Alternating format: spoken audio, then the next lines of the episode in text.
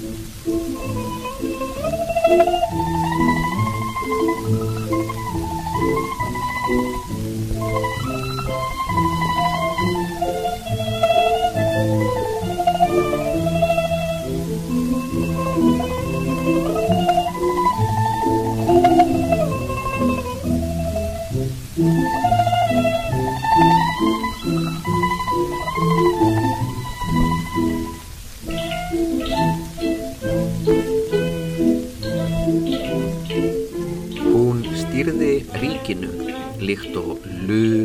Lu keisarinja og verndaði keisaran eins og keisarinjan Jingu gerði áður.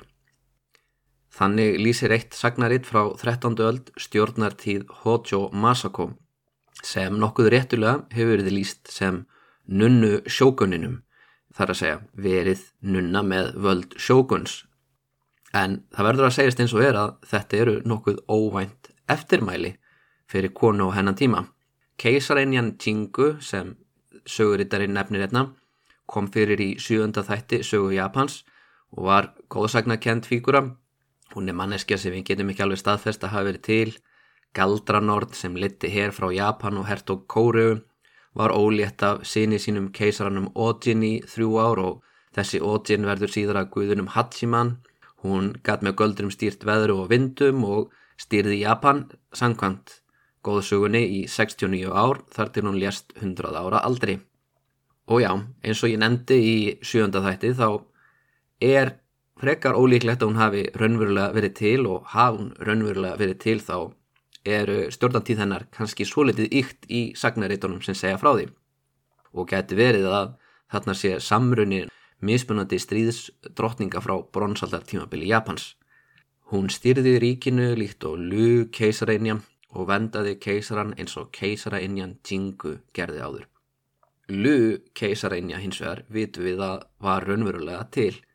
Einmaður hennar stopnaði Han keisaradæmið og að því litum á segja að Lu og Hojo Masako hegi nokkuð margt sameilegt þar að segja þar eru giftar mönnum sem eru klárir herfóringjar og pólitíkusar já, þetta með herfóringin á kannski ekki alveg við um hann Minamoton og Yoritomo en hann er svo sannlega eh, góður pólitíkus og tekst að samina Japan alveg eins og, og stopnanda hann keisaradæmisins tókst að samina Kína undir sér.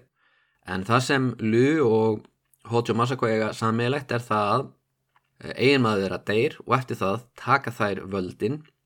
Og Lu er svolítið umdeild í kínverskri sögu en Hojo Masako er ekki alveg umdeild því að henni tekst að gera sína ætt, Hojo ættina, að aðal valda ætt Japans í meir en hundrað ár og það er stórt afreg því að Hojo ættin er fram til þessa frekar mikil svona minni háttar valda ætt.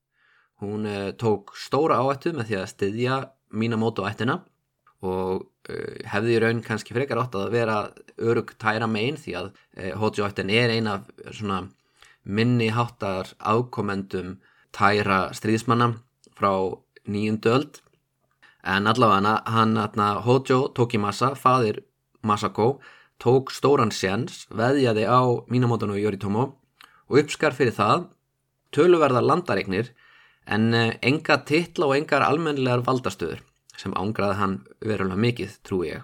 Og hvar skildu við Hojo Masako síðast? Hún er búin að vera svolítið mikið í bakgrununum hinga til.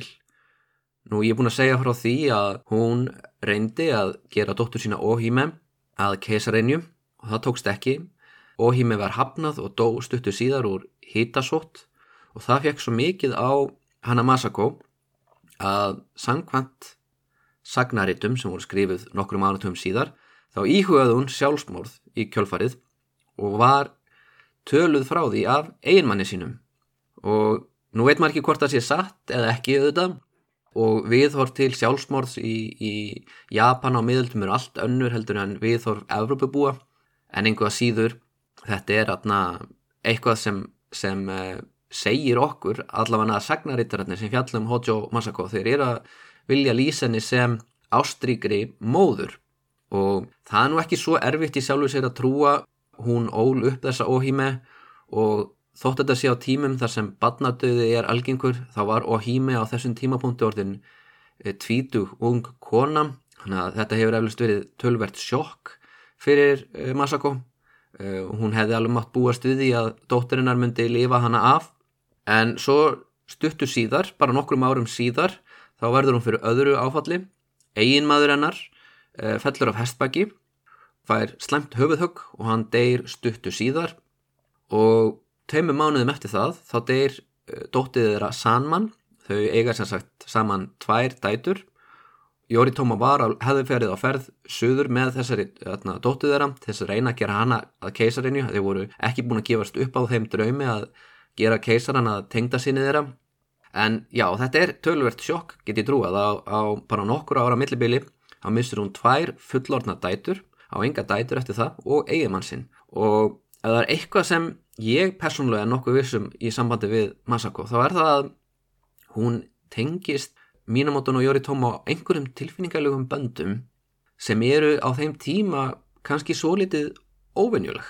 Það er að segja hún er virkilega afbríðusum út í ástkonur hans og þó svo að það sé hægt að útskýra það á einhvern svona pólitískan hátt að þessar ástkonur eru pólitískir keppinautar og ef hann eignast einhver börn utan hjónaband þá getur þau börn ógnað hagsmunum hennar batna það er vissulega hægt að færa einhver þannig rauk fyrir því en, en það sem virðist vera allavega eins og ég les þessa texta þá, þá sínist mér Masako vera bara kona sem elskar eiginmann sinn og er skiljanlega afbríðisum hún tekur frumkvæði sjálf í því að giftast honum virðist vera.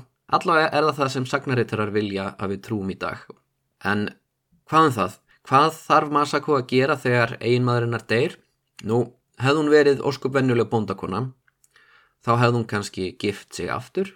Uh, hún hefði kannski haldið áfram að reka bílið sem þau ættu saman, en auðvitað er Masako ekki bændakona, hún er aðalskona og aðalskonur þær gifta sig ekki aftur. Það sem aðalskonur gera er að þær raka af sér hárið og er ganga annarkort í klaustur eða eða fara með einhverja eiða og, og, og gerast nunnur. Og það er kannski mikilvægt að ég taki fram að þetta er það sem er ætlast til. Þannig að við séum ekki að tólka það sem þannig að Masako sé óheimju trúið kona. Það má vel vera að hún sé það eins og mjög mikið að fólk gera á þessum tíma en, þessi gjörð að gerast nunna og eigða næstu 20 árum að æfisinni sem nunna er í rauninni ekki val. Uh, hún hefði nextlað uh, allt Japan ef hún hefði ekki gert það. Maðurinn hennar var einn valdamestu og ríkasti maður í heimi á þessum tíma og það er ætlast til þess að þegar þannig menn degja að konurna þeirra taki ekki saman við aðra menn. Og þetta eru samt dæmum það að nunnur e, eigi í ástarsamböndum og eitthvað svo leiði sko. Atna, en á, allan á yfirborðinu til þess að nextleiki fólk þá er þetta það sem er ætlast til að, að konur aðalsmanna gerir og þetta er ekki alls slæmt af því að þegar Hojo Masako er orðin nunna þá hefur hún öðlast svo litið sem að engin önnur kona í hennar stöðu hefur á meðan eiginmaður hennar er á lífi og það er A. ferðafrelsi og B. fjáraslegt frelsi.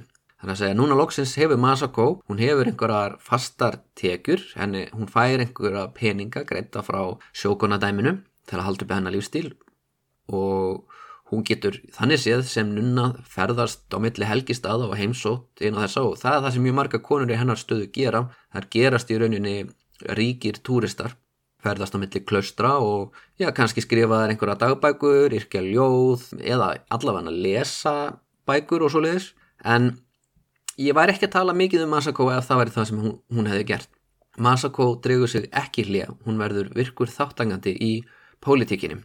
En Nú ætlum við að taka smá skref tilbaka af því að Masako hún kemur ekki inn í þennan þátt fyrir en alveg í blá lokin sem virkilegur pólitískur þáttangandi. Eh, til að byrja með þá er uh, sá sem er að fara að spila þennan pólitíska leik, það er fadur hennar, Hojo Tokimasa, sem er mjög metnaðarfullur maður. Hann er metnaðarfullur fyrir hönd dóttur uh, sinnar, hann er metnaðarfullur fyrir hönd ákomenda sinna, en fyrst og fremst þá langar honum til að stýra stýra landinu fyrir dóttur sína, stýra landinu fyrir barnabönd sín. Það er hans höfuð markmið og Hojo-ættin, hún hefur keppinut og sá keppinutur nefnist Hiki. Það er Hiki-ættin. Og við töluðum um það í síðasta þætti en það sakar ekki að rifja þessu Hiki-ættin er tengd Minamoto Yoritomo. Ekki þannig að hann hefði gift sig inn í ættina. Eh, Yoritomo er tengdasonur Hojo-ættarinnar en hann er fóstursonur Hiki-ættarinnar og hann ákvað að erfingi sinn og, og arftaki sem sjókun, hann Jóri, að hann ætti að alast upp hjá Hiki-ættinni. Og það hefur gert það verkum að, að hann Jóri er mjög náinn Hiki-ættinni og vantreistir Hojo-ættinni. Og það er cirka þanga sem við vorum komin í sögun, er það ekki? Það er að segja, Hojo Tokimasa er að reyna að hrifsa völdin af, af uh, dóttur sinni sínum og taka þau í sínar eigin hendur en á yfirborðinu þá er hann að segjast gera þetta fyrir dóttursón sinn en dóttursónur hans vil helst af öllu að góðir vinnir hans úr híkjættinni sjáum að stýra landinu fyrir sig. Og það er til þjóðsaga um hann Hojo Tokimasa sem segir frá því að þegar hann var ungur samuræi þá hafa hann fengið spátum um að daginn myndi Hojo ættin rýsa yfir allar aðrar ættir. Og mér langar svo litið til þess að segja frá þessari þjóðsögum Hún á sér stað á mjög skemmtilegum stað sem ég hef heimsótt sjálfur. Það er eigin Enoshima og Enoshima er mjög stutt frá Kamakura. Það er í raun að þú ert að heimsækja Kamakura og hofinn þar og lappa með frá ströndinni.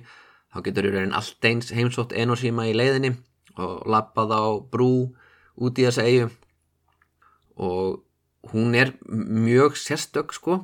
Á 19. öldinni þá keifti breskur kaupsíslumadur eiguna, maður sem hétt Samuel Cocking og þar að leiðandi er breskur skuðgarður á eiginu. Auk þess eru nokkur gömul hofðar en það var eigan einu síma álitin heilug eiga á Kamakura tímanum. Það var mjög eh, vinsæl áfangastæður fyrir pílagríma þar sem giðjan Bensaiten var tilbyðin. Bensaiten er eina af þessum giðjum sem er eiginlega orðin sint og giðja í dag en upprunalega kemur hún frá Indlandi þar að segja hún kemur með buddhismannum til Japans. Og í Indlandi heitir hún Saraswati og Saraswati og Bensaiten eru giðjur þess sem flæðir. Þetta eru giðjur fljóta og vatna en það sem gerir þetta svolítið skemmtilega myndrænt er það að hún er ekki bara giðja uh, fljóta og vatna og svoleiðis heldur hún líka giðjan tungumála og þekkingar og líka tímans sem streymir eins og vatnið. Þannig að þið heyrið, nú eru þið að hlusta á mig í streymi. Ég er að lesa upp fyrir gró orð mín flæða. Þannig að það meikar einhvern sens á mjög mörgum tungumálum að, að, að vatna giðja sé á sama tíma giðja tungumála og tungu og tíma. Og ekki nómið það hún er líka frjósemiskiðja því þegar hún kom til Japans af einhverjum ástæðum þá rann hún saman með öðrum fljótaguði. Það er frjósemiskguðin Uga sem er Kalkins og er líka svona snákakvið og það gerir það verkum að Bensaiten sem fram til þessa var svona kona sem held ofta einhverju hljóðfærið eitthvað svo leiðis, fögur um kona getur byrst, getur átt sér byrtingamind sem þrýhöfða snákur eða jæfnvel stríðsmaður með átta arma þannig að þið, þið, heyrið á þessu að þarna eru svona indösk tákn og það eru japansk tákn og, og þetta er svona svolítið skemmtilegur japansk indveskur uh, samrömi og hér kemur fyrsta af tveimur þjóðsögum. Það var einu sinni dregi með fimm höfuð sem bjó skamt frá Kamakura og í meir en þúsund ár ángraðan íbúa svæðisins. Þar til bændurnir í héræðinu í örvendingu sinni ákvölduðu fljóta giðjuna Bensaiten. En giðjan heyrði bænir fólksins og hún risti upp úr sjónum eiguna Enoshima. Dregin fyldist forviða með landi rís upp úr vatni og því magnaða sjónarspili sem fyldi kraftverkinu og þegar hann sá giðjuna sem hafi skapað eiguna var þann umsöðalöst ástfangin og baða hann að gifta sér. Bensæten hafnaði dregunum og skýrði út fyrir honum hversu illa hann hafi komið fram við manneskutna sem byggu við ströndina. Fullur eftir sjár lofaði dregin að bæta ráð sitt og hann snýri sér í söður átt þar sem nýja eigin stóðu nú og umbreytti sér í klettahæð sem ennþann dag í dag nefnist Tatsun og Kuchiyama eða, svo ég beinþýði yfir íslensku, Dregagins fjall. og úr þessu drega gini, úr þessum kletti, flæða fimm lækir eða fimm ár og já, renna út í flóan þar sem Enosima stendur. Og þetta, þessi saga er sótt í miðaldateksta Enosima Engi sem eh, var skrifuð af buddísku munki árið 1047 og það er margt í gangi hérna sem, að, sem að við getum rætt. Fyrir það fyrsta er það að drekar í Asju eru ofta á tíðum vatnaguðir líka tengdir einhverju fljóti eða hafi.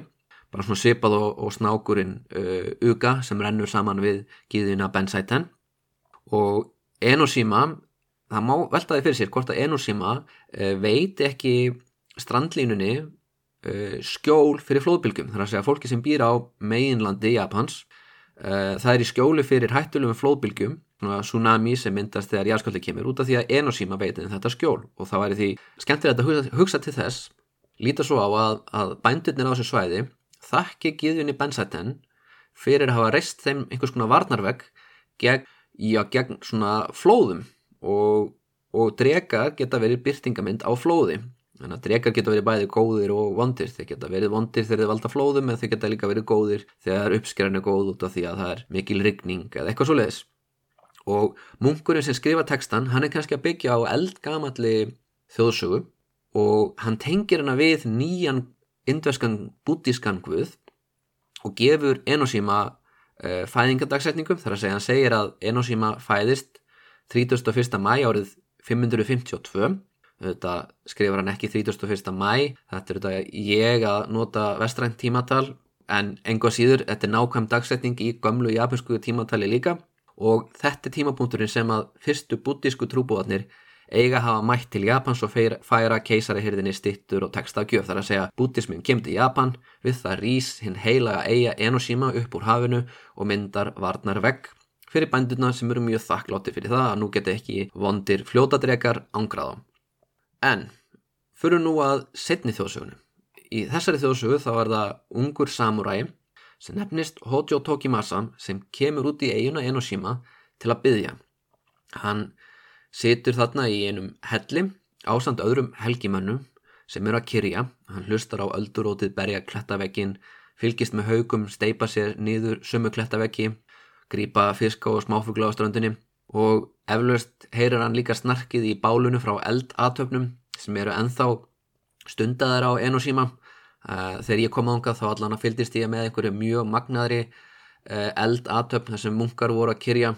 Og satt að segja þá uh, veit ég enþá ekki hva, út af hvað svo aðtöfn gekk auk þess sem ég sá líka hauka steipa sér og veiða fiska og máhugla og, og, og gekkum þessa sömu hella og, og helgimenn á miðöldum sátu inn í og hugleitu en allavega uh, það segir sitt svolítið um hvernig þarna bútismin sko misti stöðu sína á 19. öll þau spá mér það að það fekk einhver breskur kaupsýtlumar að kaupa þessa eigu það er alveg ótrúlegt sko.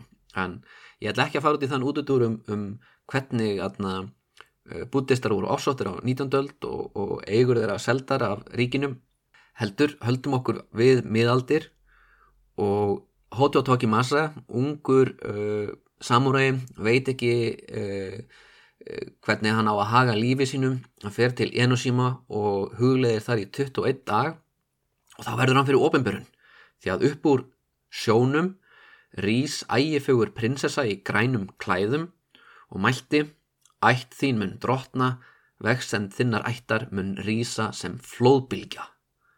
Og að þessum spátum við loknum umbreytist prinsessan í 20 feta langan snák og kvarf út í hafið, en skildi eftir á ströndinni þrjár hreisturflögur. Svona, þessar þrjár hreisturflögur voru, alltaf þetta sé ekki svona hreistur eins og á fisk eða skriðdýri, en þar voru í jætna læginu eins og svona þrýtningar og samúræðin ungi hann týnir þar upp og ákveður að gera að skjaldamerki sínum eða gunnfána. Og merki hótsjó ættarinnar eru þrýr þrýðningar eða þrjár hreistusflugur. Og ég ætla svo sem ekki að þarna efast endilega um það að hann hafa orðið fyrir ofinbörun á einu síma sko. En, en auðvitað er þessi saga skrifið hundrað árum eftir dauða Hojo Tokimasa á tíma punktið þegar fólk er farið að velta fyrir sér hvernig gatt lítil minniháttar ætt orðið að uh, valdamestu ætt Japans það var kannski bara voru kannski bara örluðu þeirra hefur fólk hugsað og þurft að leita einhvers konar yfirnáttúrulegar skýringar á því. En í öllu falli þá hvort sem hann Hojo Tokimasa varð fyrir ofinbjörnun eða ekki, af einhverjum ástæðum þá leita hann svo á að hann ætti að stýra Japan og hann stopnaði sérstætt öldungaráð, fekk í það uh, helstu uh, landareigundur Japans og já, hann stopnaði öldungaráð, 13 manna öldungaráð sem samanstóð af honum og mörgum af stærstu landeigundum Japans og hann fekk þetta ráð þess að velja sig sem svona formann ráðsins. Tekur sér sérstaklega titilinn Shiken sem mætti þýða sem svona forráðamadur því hann ætlar að vera forráðamadur fyrir sjókunin og skiljanlega þarf sjókun forráðamann þegar hann er ungur, segjum sem svo að hann væri tíu ára eða eitthvað svoleiðis það væri mjög skiljanlegt að móður af drengsins myndi sjá um að stýra ríkinu fyrir hann. En hann vil svo til, þetta er vandamálið hérna, sem að blasi við Tókimasa það er það að, að dóttursonur hans er átjánara og þessi átjánara drengur hann er með þá hugmynd að, að fólkið sem að ólan upp fólkið sem hann var í fóstri hjá það eigi að fá að stýra ríkinu fyrir hann ef ekki hann sjálfur. Og hann skipar í sitt eigðráð og skipar þar aðalega menn úr híkiættinni eins og ég saði frá því síðasta þætti þá eru þetta menn sem eru annarkort afkomendur eða giftir e, dæturum konu sem er kallið Hiki no Ama og Hiki no Ama þessi var brjóstamóðir Yoritomo uh, og ég get ímynda með það að Yoritomo eigi jafnvel nánara samband við hana heldur en sína eigin móður.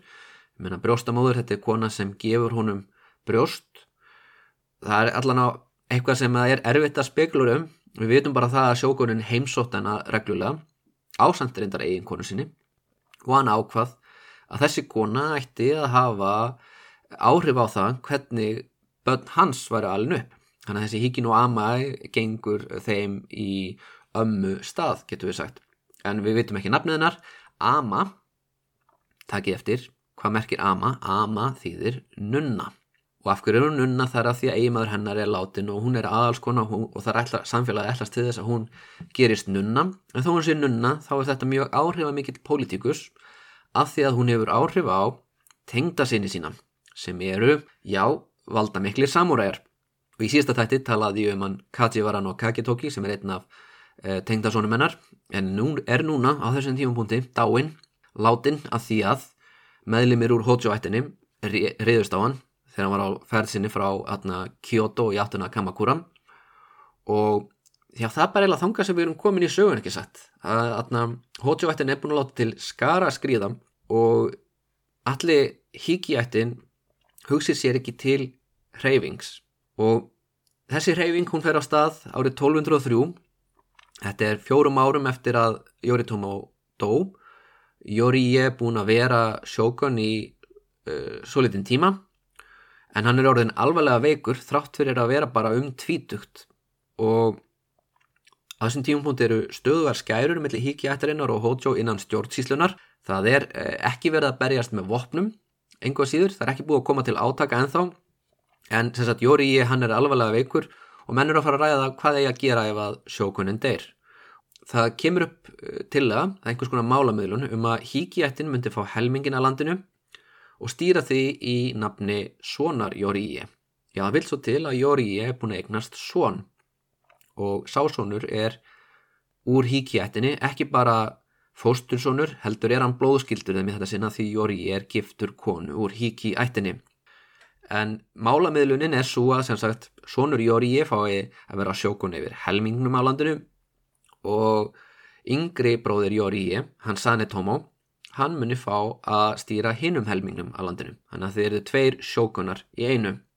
Og þessi hugmynd hún berst til Yoshikazu sem er e, tengdafæðir hans Jóriði Yoshikazu er sagt aðna ættarhöfuð híki ættarinnar. Og hún er líst ekki að þessa málamiðlun. Hann verður alveg æfur að reyði sérstaklega því að það verið að bjóða þeim söðurlutan og sjókunatæmið hefur ekki eins mikil tök á söðurlutunum ef Sanetomo fær að stýra norðurluta Japans þá verður hann alltaf máttúri því að það er þar sem að hvað ég var að segja, höfustöðar sjókunatæmisins raunverulega eru.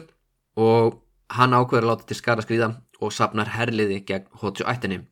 En því miður fyrir stuðningsmenn Hiki ættarinnar og stuðningsmenn Jóri í þá uppgötar móður hans Jóri í þessa áallin. Það er að segja, Hojo Masako, hún er orðin nunna, en hún dvelur ennþá í sömu höll og sjókonin og hún er með eiru allstaðar. Hún er með uh, njóstnara í þjónustuliðinum og hún sendir föðu sínum uh, leinileg skilaboð. Hojo ættin fyrir að sapna herliði og verður fyrir til við að hefja stríðið.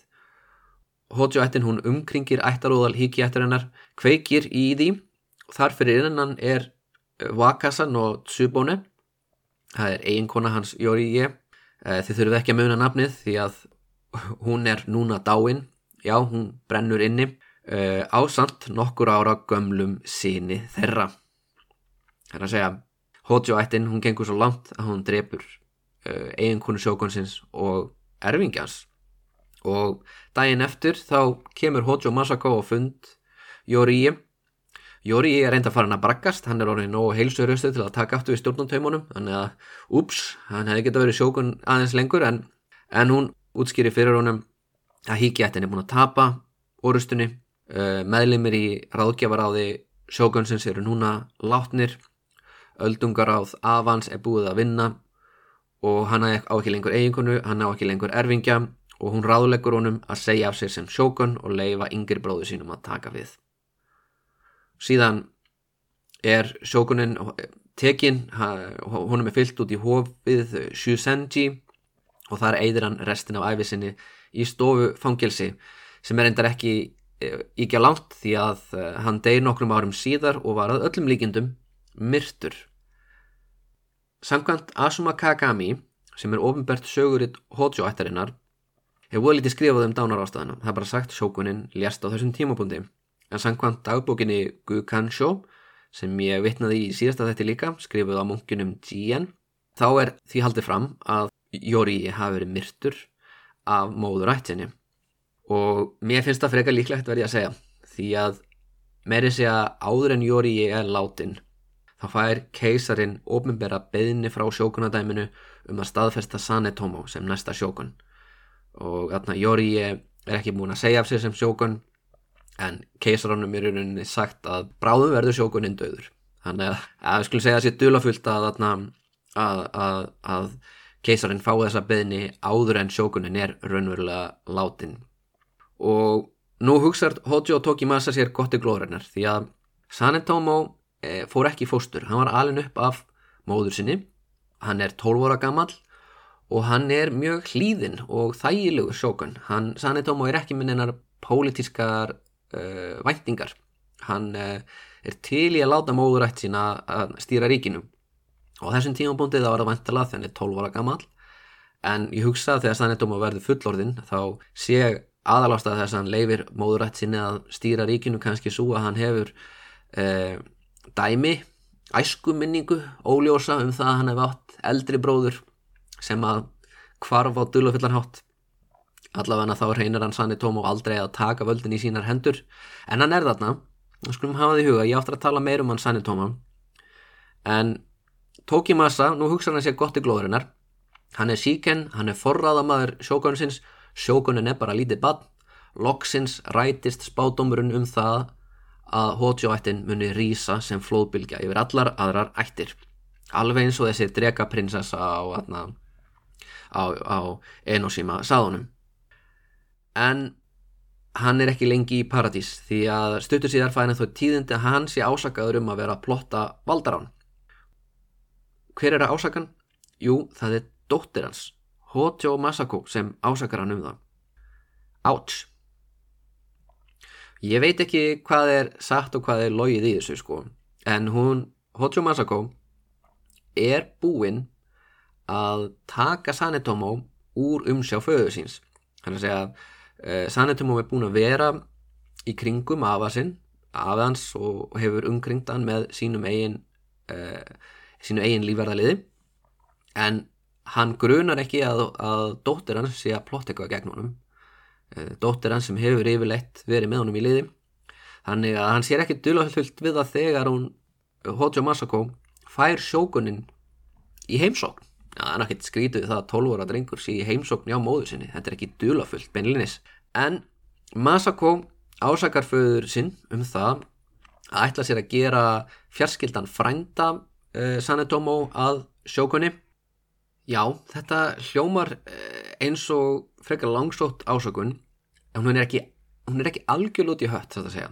Því að þessi fjarskildi frændi Sanetomo var vissulega úr Minamoto ættinni og gat því tekið við stöðu sjókuns teknilega séð uh, var meiri sé að jafnvel arftaki Sanetomo ef skeið kynni að það myndi ekki eignast neinn börn og þessi drengur var núna orðin tengdasonur Hojo Tokimasa og Hojo Tokimasa hafði nú áður gert tengdasinni sína að sjókun ekki satt?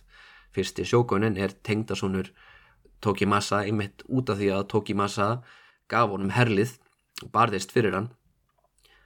En mér finnst það svona svo litið hæpið að hann vilji losna við einhvern sem er skildrónum svona blóðskildrónum og þar að auki algjörlega til í að leifa honum að ráða.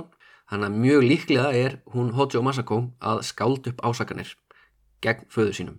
Og það sem er svo ótrúlegt er það að henni tekst að sannfæra aðra landeigundur, aðra valdamikla samúra um um að þetta sé rétt. Þannig að Hojo Tokimasa er handsamaður og síðan er hann sendur í útlegð í sínu gamla heimahýraði í Súskaganum ásand eiginkonu sinni, stjúpmóður Masako og þar er hann látin gerast prestur skila sér öllum titlum og egnum og deyir nokkrum árum síðar en valdaminni en hann hafi í rauninni byrjað þessa ferð. Og einhverja síður ef að hann raunverulega uppliði þennan spátum frá drega prinsessu á Enoshima nú þá reyndist að spátum um réttur. Það var bara vill svo til að það var ekki hann sem reys upp með flóðbylgjunni heldur var það dóttir hans sem átti eftir að stýra ríkinu. Og það er á þessum tímabúndi sem að Hojo Masako fær titilinn já svona uh, hvað ég var að segja uh, viðurnefnið nunnu sjókunin því að ofnbörlega séð er hún ekki með neitt titil. Hún er bara móðir sjókunsins og það er bróður hennar það er bróður hennar Yoshitoki sem tekur við stöðu Shiken. Þar að segja hann verður uh, formaður þessa öldungaráðs sem á að stýra fyrir sjókunin. Og þetta áttur að vera svona næstu hundrað árin. Þar að segja einhver meðlumir úr Hojo-ættinni kallkynns meðlumir úr Hojo-ættinni mun leiða öldungaráð sem samanstendur af mikilvægustu landeigundum landsins. Þessi landeigundur og þeirra ættbólkar sverja sjókununum hotlustu eið og lofa því að berjast í hans nafni ef eitthvað kemur upp á. Sjókunin mun almennt séð vera frekar áhrifalös og þráttur í það stýrir hann ríkinu fyrir keisara sem er jæfnvel enn áhrifa minni. Þannig að við höfum keisara sem að sjálfsögðu, er að sjálfsögðu umkringdur alls konar fólki sem segist stýra í hans nafni en þetta fólk afsalar öllum sínu völdum til ríkistjórnurinnar í Kamakura sem er einn raunverulega ríkistjórnlandsins og þar eru menn með ofinbæra titla eins og sjókun og eiga að stýra landun í nafni keisara en í raun og veru eru völdin í höndum einhvers konar öldungaráðs sem útnefnir Shiken sem er forraðamaður sjókunsins. Það mun vera fyrirkomulæð næstu hundrað árin í Japan. En það sem flækir þetta jafnvel enn meira er það að sko, þessi Shiken sem er núna með völd bróðir hennar Masako hann er þarna en það er Masako sem er raunverulega með völdin já, það er, mér líður stundum eins og atna, fólkið á þessum tíma hafi bara einfallega haft þetta svona til þess að ruggli í okkur núna í nútímanum þar sem við ætlumst til þess að fólki sem með tillan og ennbættinni hafa þá allavega aðeins meira en bara tákaðan völd. En, en svona var þetta. Fólk á þessum tíma veriðist hafa fílað að hafa það pínlega óljóst hvar völdin liggja. Og svona ef út í það er farið þá bendir þetta til þess að Hojo Masako hafi notið tölvers traust frá gömlu stuðningsmönnum Minamoto no Yoritomo. Minamoto no Yoritomo var góður pólitíkus sem náða að sannfara fólk um að berjast í sínu nafni og hann helt saman mjög flóknu bandalagi eins og í þáttunum þar sem ég tala um veiðiferðan og svona Svona veiðferðir hafa þann tilgang að víla og díla bak við tjöldin. Þetta er ekki opinberar aðtapni beint, þetta er verið að styrkja svona einhver vinabönd og Masako hún er búin að vera eiginkonans í 20 ár þegar hann, hann, hann deyr og hún hefur myndað sjálf sín personulegu sambönd. Ég mun nefna einhver dæmi um það í næsta þetti ég ætla að láta þetta duga í bili, í næsta þetta ætlum ég að tala aðeins um valdatíð Sanetomo eh, sem er náttúrulega ekki valdatíð. Hann er, hann er, hann er á hliðalíninu í raun og veru en hann er samt mjög skemmtilegu týpa og meðal annars það uh, til sagum það hans er fyrsti maðurinn í Japan sem, sem atna, fer að stunda tétrykkjum kannski ekki alveg satt en, en, en uh, það er samt mjög skemmtilega að saga um það hvernig það gerist. Og móður hans er að fara að stýra í hans nafni já, næstu 15 árin eða svo. Og svo kemur eitthvað upp á það sem atna, já, það kemur svolítið upp á en, en ég ætla ekki að spilla neitt fyrir ykkur frekar. Uh, ég er bara ánað með að hafa lóksins uh, klárað að taka upp þáttinn nunnusjókurinn þriðji hluti það sem ég lýsi því bara svo ég renna eftir yfir þetta sem ég lýsi því hvernig uh, Hojo og Hikiættin tókust á og endanum brutust út átök bókstaflega. Hojo-ættin myrðir uh, Yorie sem var, er annar sjókunnin í sögu Japans og til valda kemur þriðji sjókunnin Sanetomo sem er bara badnað aldrei á þessum tíma. Og þegar Hojo-ættin hefur sigrað sína ofinni hafa brjótast út erjur innan Hojo-ættarinnar þar sem ættarhöfuðennar Hojo Tokimasa tapar í valdabarðinu fyrir dóttur sinni og dóttir hans sem er nunna, hún er krúnurökuð miðaldra kona sem í rauninni enginn fær að sjá því að hún er yfirleitt falinn bak við e, einhverjar einhvers konar rimlagardinur eða pappirskerma eða eitthvað svo leiðis en hún hefur myndað mjög sterk persónuleg sambönd við valdamikla samúræja og hún heldur saman mjög því sem er á þessum tímúti mjög bróthætt bandalag samúræja sem að vilja tryggja það að þeir séu áfram með völdin í landinu en ekki einhverjir embætismenn við keisarahyrðina og menn eru enþá með ágjör af því að keisarin muni gera uppreist eða bóða til uppreistnar gegn sjókunadæminu og, og standa þessna saman af því að þessi menn eiga sitt land og sína landaregnir fyrst og fremst af því að sjókunin segir að þeir eigi það. Þannig að eftir borgarastriðið þá útlitaði Jóritóm og þeim þessum landaregnum gegn því að þeim myndu sverjónum hotlustöðið og ef að eitthvað breytist ef að ný ætt teku við sjókunadæminu eða eða keisarinn gerur uppreist þá gætu þeir mist þessar landaregnir sem þeir tóku með herrvaldi á sínum tíma. En við látum þetta döga sinni og ég þakka ykkur fyrir hlustunina og vonaði síðan einhverju nær.